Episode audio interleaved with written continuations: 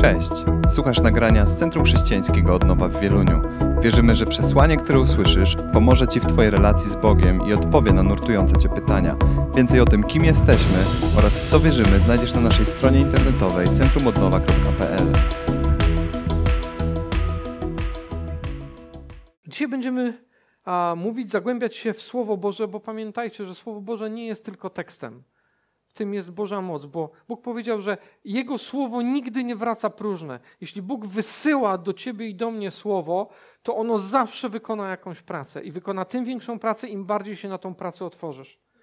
A będziemy mówili o, o kolejnej przypowieści, e, którą, którą powiedział Jezus. I to przypowieść, którą pewnie słyszałeś już wielo, wielo, wielokrotnie. Będziemy dzisiaj mówili o przypowieści o upartej wdowie. Więc można tą przypowieść zamknąć, przeczytawszy dosłownie dwie pierwsze linijki z Ewangelii Łukasza, z 18 rozdziału. Powiedziane jest, opowiedział im też przypowieść o tym, że trzeba się zawsze modlić i nie ulegać zniechęceniu. Praktycznie można by tu postawić kropkę i powiedzieć, dobra, no to w takim razie fajnie, pomódlmy się, e, dzięki, to by było na tyle. E, no, no bo teoretycznie, co tu więcej powiedzieć? Powiedział im przypowieść o tym, że trzeba się zawsze modlić i nie ulegać zniechęceniu. I chciałbym zachęcić każdego z Was, kto, kto po usłyszeniu tego pierwszego wersetu może pomyśleć, no okej, okay, dobra, ja wiem. Ja to słyszałem już tyle razy, że trzeba się zawsze modlić i żeby się nie zniechęcać, że co może być więcej. A chciałbym, żebyś zrobił dzisiaj taki eksperyment i otworzył się na Boże działanie, że być może Bóg chce coś niesamowitego zrobić w Twoim życiu. Bo jeśli miałeś takie doświadczenia, a gwarantuję, że nawet jeśli jeszcze nie jesteś do końca nawrócony, to już je miałeś, bo pewnie nie raz się w życiu modliłeś i zastanawiałeś się nad tym, dlaczego modlisz się o coś i się nie dzieje. Czasami się dzieje, a czasami się nie dzieje. O co w tym wszystkim chodzi? To chciałbym dzisiaj spróbować udzielić na to odpowiedzi Tobie i sobie. Jeszcze raz zaczniemy od tego pierwszego wersetu. Przeczytam cały ten fragment, e, bo chciałbym, to jest krótki, więc, więc nie zajmie nam zbyt dużo czasu, ale chciałbym, żebyśmy przypomnieli sobie cały ten e, fragment, zanim nie zanurkujemy e, zupełnie, zupełnie głęboko w niego. Od pierwszego wersetu. Odpowiedział im też przypowieść o tym, że trzeba się zawsze modlić i nie ulegać zniechęceniu. Powiedział tak: Mieszkała, Mieszkał w jednym mieście pewien sędzia, nie bał się on Boga i nie liczył się z człowiekiem. Mieszkała tam też pewna wdowa. Ta nachodziła go i prosiła: Obroń mnie przed moim przeciwnikiem. I przez dłuższy czas nie chciał. W końcu jednak zaś pomyślał: Chociaż nie boję się Boga i nie liczę się z człowiekiem, obronię tę wdowę, bo mi się naprzykrza. Niech nie przychodzi bez końca i niech nie zawraca mi głowy. I Pan podsumował: Zauważcie, jak zachował się ten niesprawiedliwy sędzia. A czy Bóg nie weźmie w obronę swoich wybranych, którzy wołają do Niego dniem i nocą? Czy będzie zwlekał w ich sprawie? Mówię wam, szybko weźmie w ich obronę. Tylko czy Syn Człowieczy znajdzie wiarę na ziemi, gdy przyjdzie? Zapewne większość z nas wielo, wielokrotnie słyszała ten, ten fragment. Um,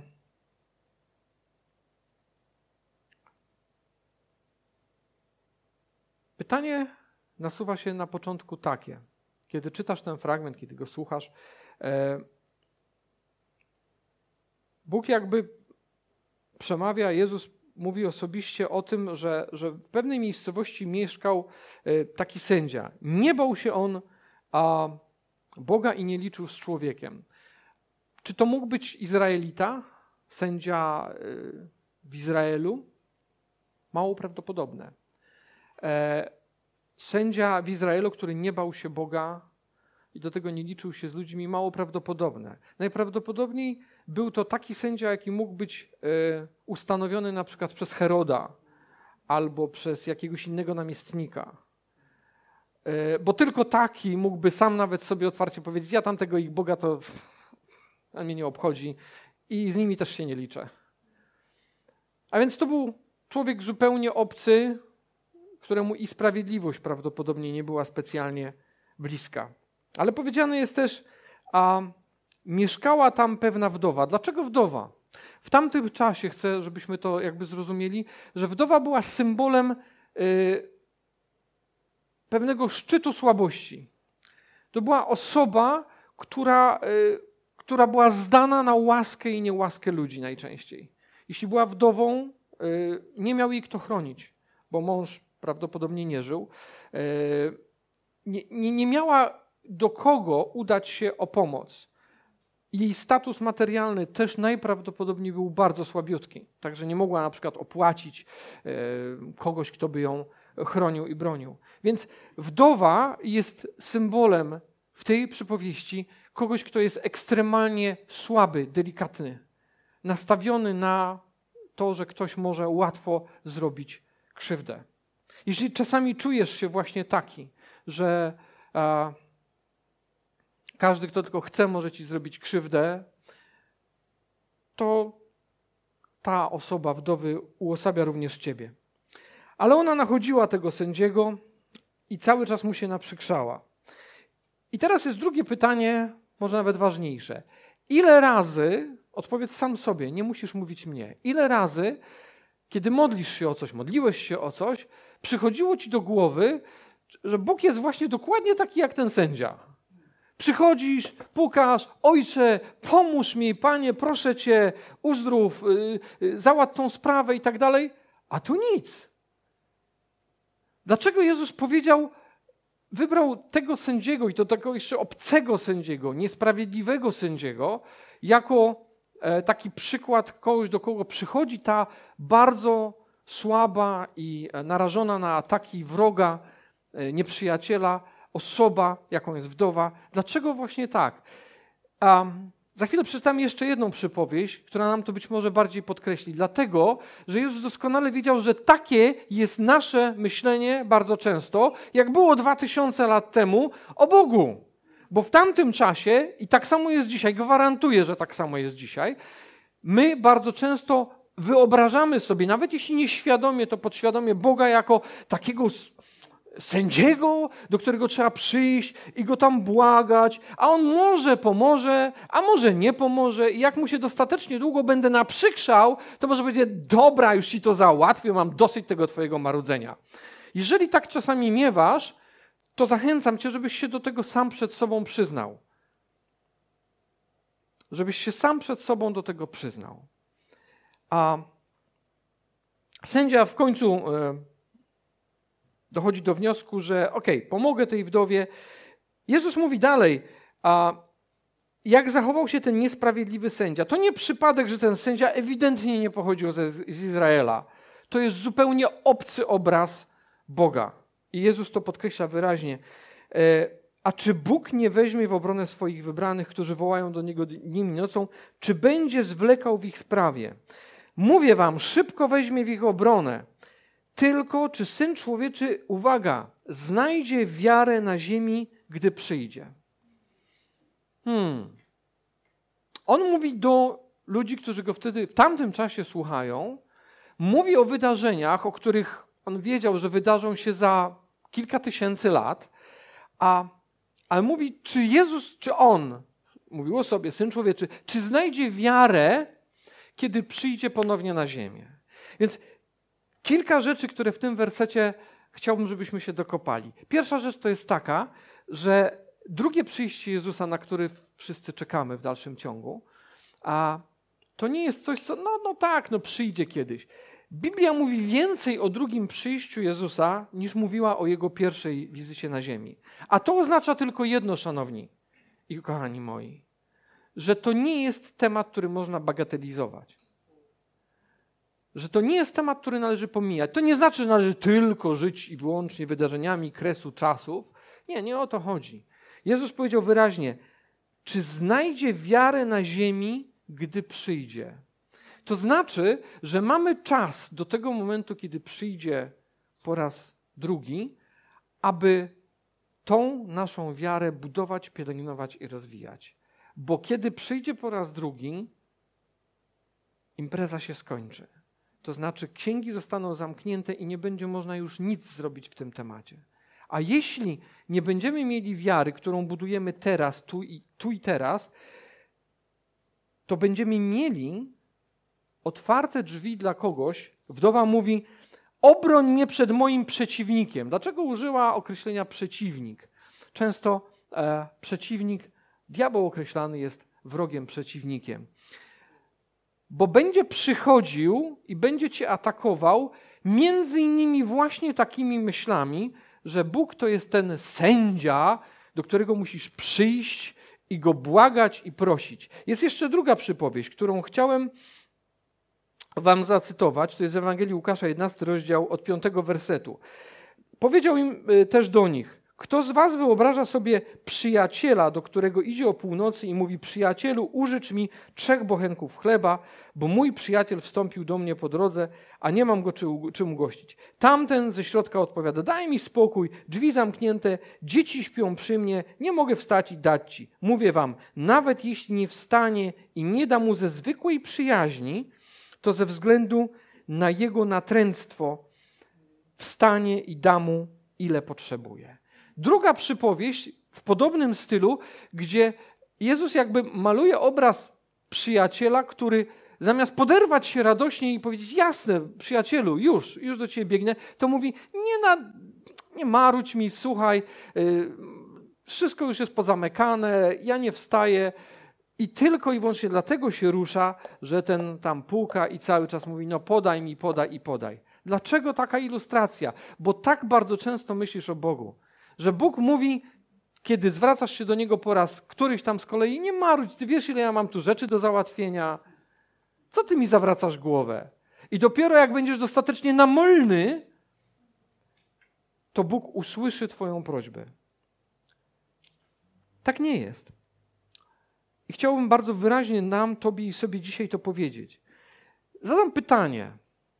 Po co Jezus przyszedł na ziemię pierwszy raz? Brawo dla pastora. Ktoś jeszcze? A, większość z nas uważa, w naszej kulturze, w kraju też, że przyszedł po to, żeby nas zbawić, żeby e, zapłacić karę na krzyżu. I to jest jak najbardziej prawda. Ale jego podstawowym zadaniem, które było w czasie jego pierwszej wizyty na ziemi, to jest, żeby objawić nam Ojca, pokazać, kim Ojciec Bóg jest. I dlatego pokazywał między innymi w tych przypowieściach obraz, który jest zafałszowany, który jest w naszych głowach, aby z nim walczyć. Bóg nie jest podobny do tego sędziego, ani do tego przyjaciela, który marudzi i tylko przez Twoją namolność chce e, Ci ewentualnie pomóc. List do Filipian, pierwszy rozdział, szósty werset.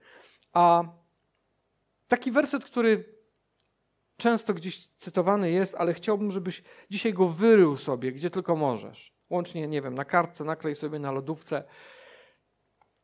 Jestem przekonany, że ten, który zapoczątkował u was dobre dzieło, będzie je też doskonalił aż do dnia powrotu Chrystusa Jezusa. Znowu, do czasu Jego powrotu. Prawda? Jaka dziwna zgodność. Będzie ciebie i mnie doskonalił, bo zaczął w tobie dobre dzieło. I tu masz odpowiedź na to, dlaczego Bóg nie od razu czasami, bo czasami jest tak, że modlimy się o coś, jest puf i dzieje się, puf i dzieje się, super. Ale czasami jest tak, że czujesz, że musisz przewalczyć. Dlaczego? A, bo Bóg jest dobrym ojcem, który nie chce, żebyś mając y, lat kilka y, jeszcze raczkował, albo lat kilkanaście jeszcze raczkował. To jest patologiczne, tak? Małe dziecko musi się nauczyć chodzić i my też. Jest drugi fragment, którym chciałem tam to wam jakby ugruntować. Z listu do Rzymian z piątego rozdziału, trzeciego wersetu. Lecz nie tylko tym, mówi apostoł, chlubimy się też uciskami, wiedząc i uwaga, że przeciwności wyrabiają wytrwałość. Przeciwności wyrabiają wytrwałość. Idźmy dalej. A wytrwałość siłę charakteru. Hmm, czyżby dobry ojciec chciał, żebyś miał siłę charakteru, a nie był miękki jak plastelinka, która gdzie tam ktoś naciśnie, to się robi i taki zupełnie płaski już jestem. Nie, siła charakteru to jest to, co dobry ojciec chce. Nie chcę, żebym ja chodził tak, że się co chwilę będę przewracał, tylko chcę, żebym chodził, biegał, Wytrwałość wyrabia siłę charakteru. Skąd się bierze wytrwałość? Z przeciwności. Hmm, Panie Jezu, aleś to wymyślił. Wytrwałość, wytrwałość wyrabia siłę charakteru. Siła charakteru nadzieję. Zatrzymajmy się tutaj. Siła charakteru wyrabia nadzieję. Hmm, to jest naprawdę fenomenalne, nie sądzicie? Bo my, no, popularnie wydaje się, że nadzieja to jest coś takiego, no mam nadzieję. Mam nadzieję, że będzie dobrze, mam nadzieję, że dostanę pracę, mam nadzieję, że dadzą mi e, premię, mam nadzieję, że szybko wyzdrowieję, mam nadzieję. Ale jak już tam jest coś nie tak, to ta nasza nadzieja jest jak, jak ta plastelinka. Jest po niej. Tyle z twojej nadziei. A? Powiedz, tak nie jest? Ale wiesz dlaczego? Bo to wcale nie jest nadzieja. Nie ta nadzieja. To jest Twoje oczekiwanie. To nie jest żadna nadzieja. To jest Twoje oczekiwanie. Że no, oczekuję, że tak będzie, ale to nie jest nadzieja, nie ta nadzieja. Czytaj dalej. Siła charakteru nadzieję, a nadzieja nie zawodzi. Serio? Pawle, co ty piszesz? Tyle razy moja nadzieja zawiodła. Bo to nie była nadzieja. Było twoje oczekiwanie, a nie nadzieja. Dlatego się rozjechała jak plastylinka. Lecimy dalej. Bo miłość Boża rozlana jest w naszych sercach przez Ducha Świętego, który został nam dany. A, to taki myk. To taka jest ta nadzieja. To jest od Bożej miłości poprzez Ducha. To jest nadzieja, a nie moje oczekiwanie, które można rozklepać jak plastylinkę. I dlatego Bóg chce, żebyś przychodził. Powiem tak, jeśli myślisz o tym, co tu jest napisane w liście do Rzymian, to powinieneś się nawet cieszyć, że nie od razu Bóg wysłuchuje Twoją prośbę. Bo to daje Ci szansę na nauczenie się wytrwałości, a poprzez to siły charakteru, a poprzez to nadziei, ale nie tej nadziei, oczekiwanie moje, fajnie by było, tylko tej nadziei, która pochodzi od Ducha Świętego, od Bożej miłości. Dlaczego? Bo jest wyraźnie napisane, że nadzieja nie zawodzi. Czy chciałbyś mieć taką nadzieję, która nie zawodzi? Nie nadzieję, nadzieję na zasadzie, e, a no fajnie by było, jakby coś tam, a potem to się rozjeżdża, tylko nadzieję, która nie zawodzi. Jaka jest ta nadzieja? Jest od ducha. Jeżeli taką nadzieję Bóg wsadzi ci w serce, to masz gwarantowane, że ona się spełni. Ale to dlatego, że postawiłeś na właściwą nadzieję, a nie na twoje chcieństwo. Idziemy dalej. Następny fragment. List do Hebrajczyków, 10 rozdział, 23 werset. Niewzruszenie trzymajmy się nadziei. Hmm, naprawdę tyle moich nadziei się rozjechało, mam się niewzruszenie jej trzymać. I czytajcie dalej, którą wyznajemy. Nadzieję, którą wyznajemy. Ten, który złożył obietnicę, jest wierny. Kropka. Ten, który złożył tobie i mnie obietnicę, jest wierny. Jeśli przychodzi do ciebie diabeł i mówi, wiesz, ale Bóg to tam ma inne plany, ma dużo na głowie, a poza tym ty nie spełniłeś jakichś tam warunków, to to jest tylko i wyłącznie twoje oczekiwanie. Jeżeli to jest nadzieja, którą pokładasz w tym, który jest wierny, masz zawsze do wyboru. I to jest to, masz do wyboru albo przyjąć, że Twoje potrzeby, to co widzisz, modlisz się tyle razy. Nie, nie chcę wymieniać, ile razy rozmawiałem z ludźmi, którzy w tej chwili są gdzieś w jakichś czarnych miejscach, którzy mówili, wiesz, bo no, no modlę się tego, ale Bóg to nie spełnia i tak dalej. Hej, gdzie jest Twoja nadzieja? Ten, który obiecał, jest wierny. Czy jest powiedziane, że od razu będzie puf i hello, o, już super? Nie. Ta biedna wdowa, która bała się wszystkiego i wszystkich prawdopodobnie, przychodziła do sędziego, który nawet nie był Izraelitą. Był prawdopodobnie Rzymianinem albo kimś takim, gdzie mogła się spodziewać, że jeszcze nie wiadomo, co jej zrobi. Ale ona przychodziła do niego i prosiła, prosiła, prosiła, prosiła, prosiła, prosiła. Jeszcze raz. Wiedząc, że przeciwności wyrabiają wytrwałość. To jest ojciec, który chce wyrobić w tobie i we mnie wytrwałość. A to siła charakteru. Masz nie być plastylinką. Masz być twardy. Ja wierzę Bogu i nieważne ile o to proszę, wiem, że dostanę. A jak nawet nie dostanę tego, o co proszę, to wiem, że dostanę coś lepszego. Bo taki jest ojciec. Ojciec to nie jest taki, dobra, marudzisz mi tam, daj mi święty spokój. Nie, to nie jest ojciec. Bóg ojciec jest taki, że on wie, co ci jest potrzebne. I czasami jest tak, że prosisz o coś, a Bóg mówi, słuchaj, tylko tą odpowiedź usłyszysz. Za chwilę to zobaczysz. Usłyszysz, jeśli będziesz słuchał. Powie ci, słuchaj, dam ci coś innego. Coś, co ci jest potrzebne bardziej niż to, o co prosisz. To jest ojciec. To jest ojciec. A Ewangelia Jana, szósty rozdział od 67 wersetu. Wówczas Jezus zwrócił się do dwunastu. Czy wy też chcecie odejść? To nie jest tak, że tamci uczniowie jego, y, wielu poza tymi dwunastoma, to byli jacyś herosi wiary. Oni mieli takie same wątpliwości, mimo że widzieli na oczy Jezusa. Widzieli go, mogli go dotknąć, widzieli te cuda, uzdrowienia setki razy dziennie. Widzieli to. A mimo wszystko plastylinka.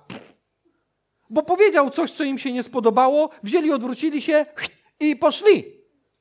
Jezus podchodzi do, do swoich uczniów, do tych dwunastu i mówi, to co, wy też sobie pójdziecie? I Piotr mówi coś niesamowitego. Szymon Piotr odpowiedział: Panie, do kogo pójdziemy? Ty masz słowa życia wiecznego. To było, to było wyznanie wiary. Panie, do kogo mamy iść? Ja wiem, że Ty masz to słowo. I mówi jeszcze, miało wątpliwości, to popatrz. My zaś uwierzyliśmy i jesteśmy pewni, że Ty jesteś Chrystusem Świętym Bożym. Wyznał, dobił to. Ja wierzę w to, kim Ty jesteś. I dlatego nigdzie nie pójdę. Mimo, że to, co powiedziałeś, to twarda mowa jest. Trudne to było do przełknięcia. Ale ja zostaję z Tobą. Ale ja zostaję z Tobą. Jezus mówi w Ewangelii Łukasza, 21 rozdział, 34 werset. Strzeżcie się natomiast, aby wasze serca nie straciły wrażliwości na skutek obżarstwa, przepicia albo trosk dnia codziennego. Jak sobie myślisz, no obżarstwa to tam może niekoniecznie ja, przepicie to już w ogóle nie ja, trosk dnia codziennego. No śmiało, tak jak nie chcesz się przyznać, to rączka w sercu do góry, tak, no kto się troszczy troskami dnia codziennego? Śmiało. No, o, o, o, aby wasze serca nie straciły wrażliwości na skutek obżarstwa, przepicia i trosk dnia codziennego, aby ten dzień nie spadł na was z nienacka. Jaki dzień? No dzień jego następnego przyjścia, ale to może być twoje pójście tam, bo może być wcześniej niż on przyjdzie. Żeby to cię nie zaskoczyło, żebyś po tamtej stronie myślał, uhu, plastelinka, rozjechałem się, tylko że wtedy będzie za późno. Wtedy będzie za późno. Ach, niczym sidło, bo zaskoczy was wszystkich, zaskoczy wszystkich mieszkających na obszarze ziemi. Bądźcie więc czujni w każdej chwili i módlcie się, abyście zdołali uciec przed tym wszystkim, co ma się wydarzyć. Znowu, módlcie się. To znaczy co, mam na kolanka i klepać modlitewki 247? No się nie da. To nie o taką modlitwę chodzi. Chodzi o to, żebyś przychodził do Ojca, nie do wrednego sędziego, tylko do Ojca i rozmawiał z Nim. I cieszył się, że nie od razu spełnia się Twoja prośba. Dlaczego? Bo dzięki temu wyrabiasz wytrwałość, która ma zrobić Twój kręgosłup sztywnym, a nie plastylinką. Dlatego nie od razu słyszysz, że coś się dzieje. Czy wierzysz w to, kim on jest? To jest Twój wybór. Czy też wierzysz Twoim oczom? Czy wierzysz Twojemu sercu, które mówi: Tyle razy proszę, co to za Bóg? Bóg się, słyszałem to z ust niektórych ludzi. Bóg się nie interesuje moim życiem. Bzdura, bzdura, bzdura! Jak może się nie interesować, kiedy mówi, że interesuje się każdym włosem na Twojej głowie? Jak się może nie interesować Twoim życiem? To Twój mózg wsadza Ci te głupoty, plus diabeł, który bardzo chętnie Ci takie po, powtyka, żeby zrobić z Ciebie plastylinkę. Żebyś się rozjechał. Dlaczego Bóg nie zawsze od razu spełnia nasze prośby? Powiem Wam dlaczego. Oprócz tego. Historia narodu wybranego, czyli Izraela, mówi o tym jasno i wyraźnie.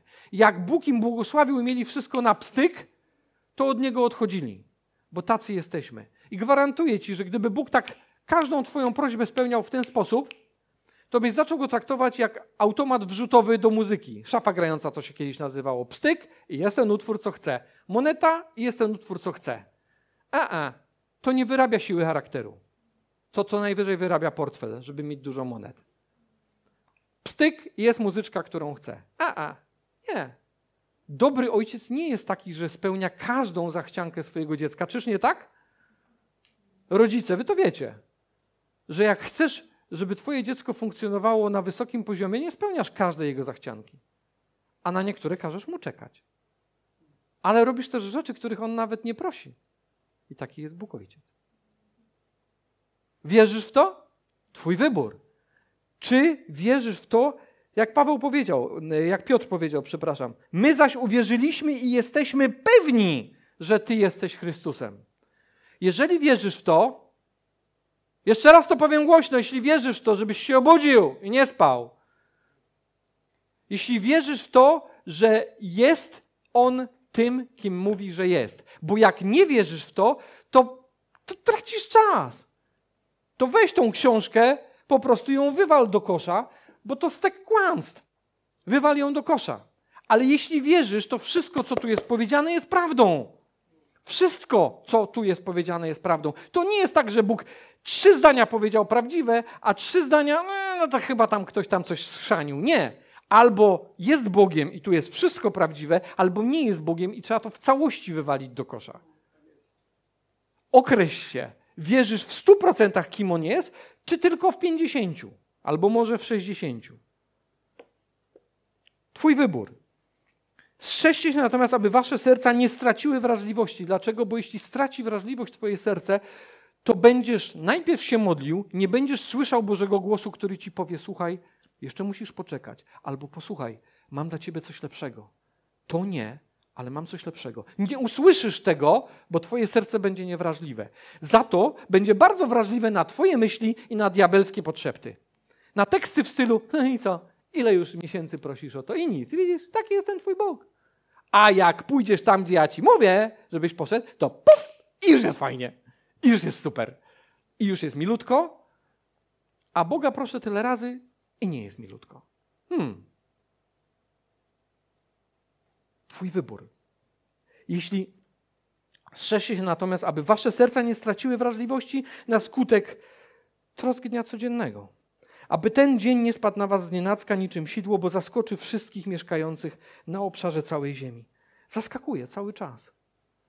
I jest wielu ludzi zaskoczonych właśnie dlatego, że ich serca stały się niewrażliwe. Następny fragment. List do Hebrajczyków, jakby po to, żeby to jeszcze bardziej uwydatnić. Potrzeba wam wytrwałości, abyście po wypełnieniu woli Boga dostąpili spełnienia obietnicy.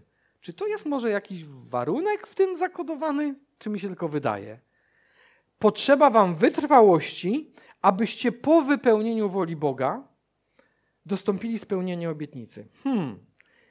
Jeszcze raz ten fragment, jeszcze raz go przeczytam. List do Hebrajczyków, 10 rozdział, 23 werset. Jeśli go jeszcze nie zanotowałeś, please, please, zanotuj go. Niewzruszenie trzymajmy się nadziei, która nie zawodzi, wiemy z wcześniejszego fragmentu, którą wyznajemy, gdyż ten, który złożył obietnicę, jest wierny. Zadam Ci takie pytanie. Czy po pierwsze wierzysz w to, czy wierzysz w to, że Bóg jest wierny? Słyszeliśmy dzisiaj różne świadectwa, gdzie mówię, Bóg jest wierny. Ale ile razy nawet ci, którzy składali świadectwo, ja tak wiele razy miałem, zacząłem powątpiewać, że na, na pewno jest wierny. Oczywiście, jakby mnie ktoś zapytał, czy Bóg jest, jest wierny, jest jasne. Ale zaczynam zachowywać się tak, jakbym w to nie wierzył. Masz tak? To się do tego przyznaj sam sobie, że czasami nie ma w tobie tej wiary i jest powiedziane, którą wyznajemy, nadzieję, którą wyznajemy. Czy wtedy, kiedy przychodzi wątpliwość, bo się modlisz i nic się nie dzieje, czy wyznajesz? Czy wyznajesz, że jest wierny i że to jest nadzieja, która się spełni? Czy to wyznajesz? Na przykład wtedy, kiedy, kiedy przychodzi do Twojej głowy znużenie, bo się nie chce się modlić, e, bo, bo, coś tam, bo a, okej. Okay. Czy wtedy jako antidotum, przepraszam, zapytam, jak kogoś za przeproszeniem dynka boli, to bez większego namysłu otwiera listek z tabletką, pum, i ma przejść, tak? A czy jeżeli przychodzisz i widzisz w modlitwie, że, cię, że ci łapki opadają, że się robisz plastelinka, czy wtedy bierzesz tabletkę i wyznajesz, ty jesteś wierny, ty jesteś synem Bożym Mesjaszem i twoja nadzieja nigdy nie zawiedzie. Amen. Czy bierzesz taką tabletkę? Głośno powiedzieć, koniec. Ja nie poddaję się temu, co mnie tutaj boli, tylko biorę twoją tabletkę, połykam i ogłaszam, ty jesteś wierny. I będę się modlił choćby jeszcze miesiąc, dwa, trzy, a może kilka lat. Ale wiem, że zobaczę to, co, o co Cię proszę, albo coś lepszego. Albo coś lepszego. Jest wierny. Ten, który złożył obietnicę, jest wierny. Zapisz to sobie i niech to będzie Twoja tabletka na wszystkie dni plastelinkowe, kiedy się rozjeżdżasz, kiedy masz już dosyć, kiedy się nie chce Kiedy zaczynasz wierzyć w to, że Bóg się nie interesuje Twoim życiem. I na koniec, list do Rzymian, 15 werset. Chciałbym, żeby to był taki, taki wieniec wieńczący to, o czym dzisiaj mówiliśmy. 15, werset, 15 rozdział, 13 werset. A Bóg nadziei niech was napełni największą radością i pokojem w wierze. Radością i pokojem w wierze. Wierzyć to znaczy polegać. Abyście opływali w nadzieję, uwaga, w mocy Ducha Świętego. Więc nie nadzieję chcieństwo, tylko nadzieję w mocy Ducha Świętego. Chciałbym, żebyśmy się w tej chwili o to modlili. Chciałbym, żebyśmy się o to modlili, aby Twoja nadzieja nie była chcieństwem takim fajnym, no bo mam na coś ochotę, coś mnie kręci, chciałbym, żeby to się spełniło, tylko żeby była nadzieją pochodzącą od Ducha Świętego. Jeszcze raz przeczytam ten werset. Niech Bóg nadziei Was napełni największą radością i pokojem w wierze, w wierze, abyście opływali w nadzieję w mocy Ducha Świętego. Chciałbym, żebyśmy o to się dokładnie modlili w tej chwili. Aby Bóg napełnił nas radością i pokojem w wierze. Oddajemy Ci, Panie, naszą wiarę.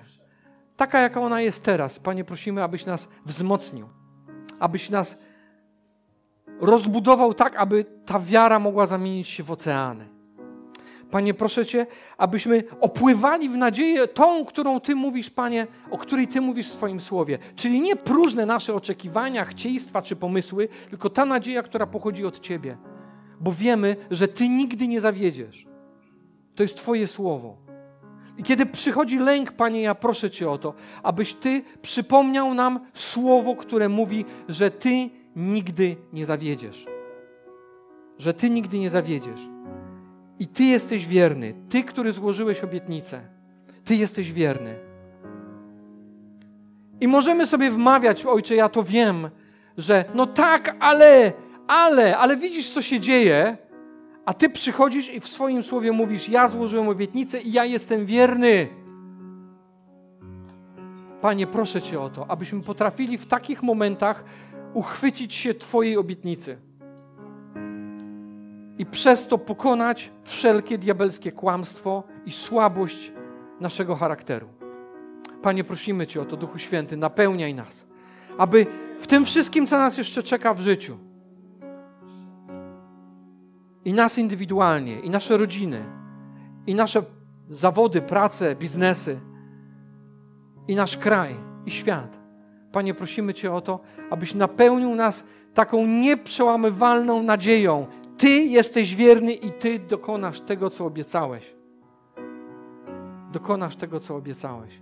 I to dotyczy indywidualnie każdego z nas, Panie. Proszę Cię o to, abyś teraz dotknął serca każdego z nas i powiedział: Tak, ja jestem zainteresowany Tobą w każdym szczególe. W każdym, każdy włos na Twojej głowie jest policzony, i to jest to, co ja, Panie, co Ty, Panie, powiedziałeś w swoim słowie. Panie, ja proszę Cię o to, żebyśmy otworzyli się na Twoje słowo. Ty powiedziałeś, Ty obiecałeś i jest to niezmienne.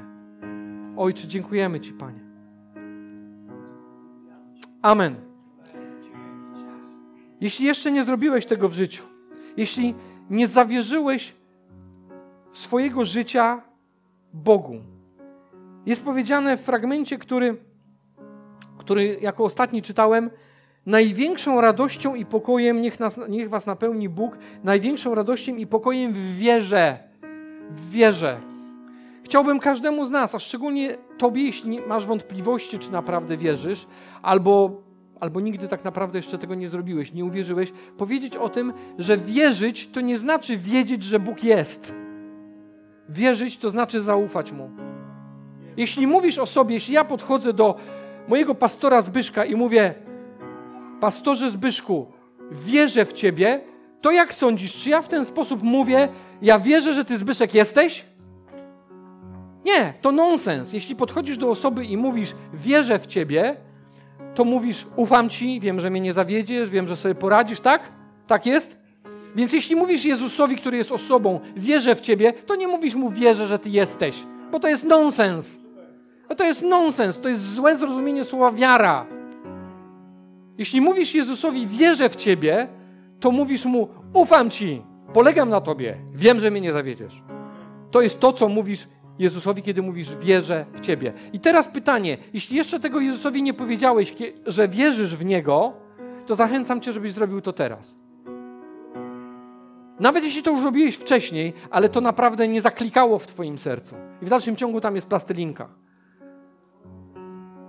Możesz to zrobić teraz. Możesz mu to uświadczyć, mogę Ci pomóc. Modlitwa, którą możesz powtórzyć. Zachęcam Cię, byś to zrobił, byś powiedział Jemu, co naprawdę w życiu chcesz. Jeśli to już robiłeś wiele razy i nic nie zaklikało, to powiem Ci dlaczego. Dlatego, że Twoje serce tego nie powiedziało.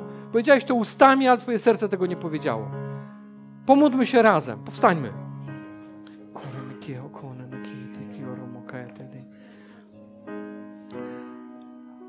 Ojcze, dziękuję Ci, Panie, za dar Twojego Syna. Panie Jezu, ja wyznaję wszystkie swoje grzechy przed Tobą, Panie. Panie, ja wyznaję, że tak wiele razy chciałem żyć bez Ciebie, radzić sobie po swojemu. Panie, ja Cię przepraszam za to, wybacz, oczyść mnie. I daj mi moc stania się Twoim dzieckiem. Zostań moim zbawicielem, królem i autorem mojej nadziei. Amen. Dziękujemy, że byłeś z nami. Wierzymy, że przesłanie, które usłyszałeś, zachęca Cię do bliższej relacji z Bogiem oraz poznania nas osobiście. Zapraszamy Cię do odsłuchania kolejnych nagrań, a także skorzystania z naszej strony internetowej centrumodnowa.pl.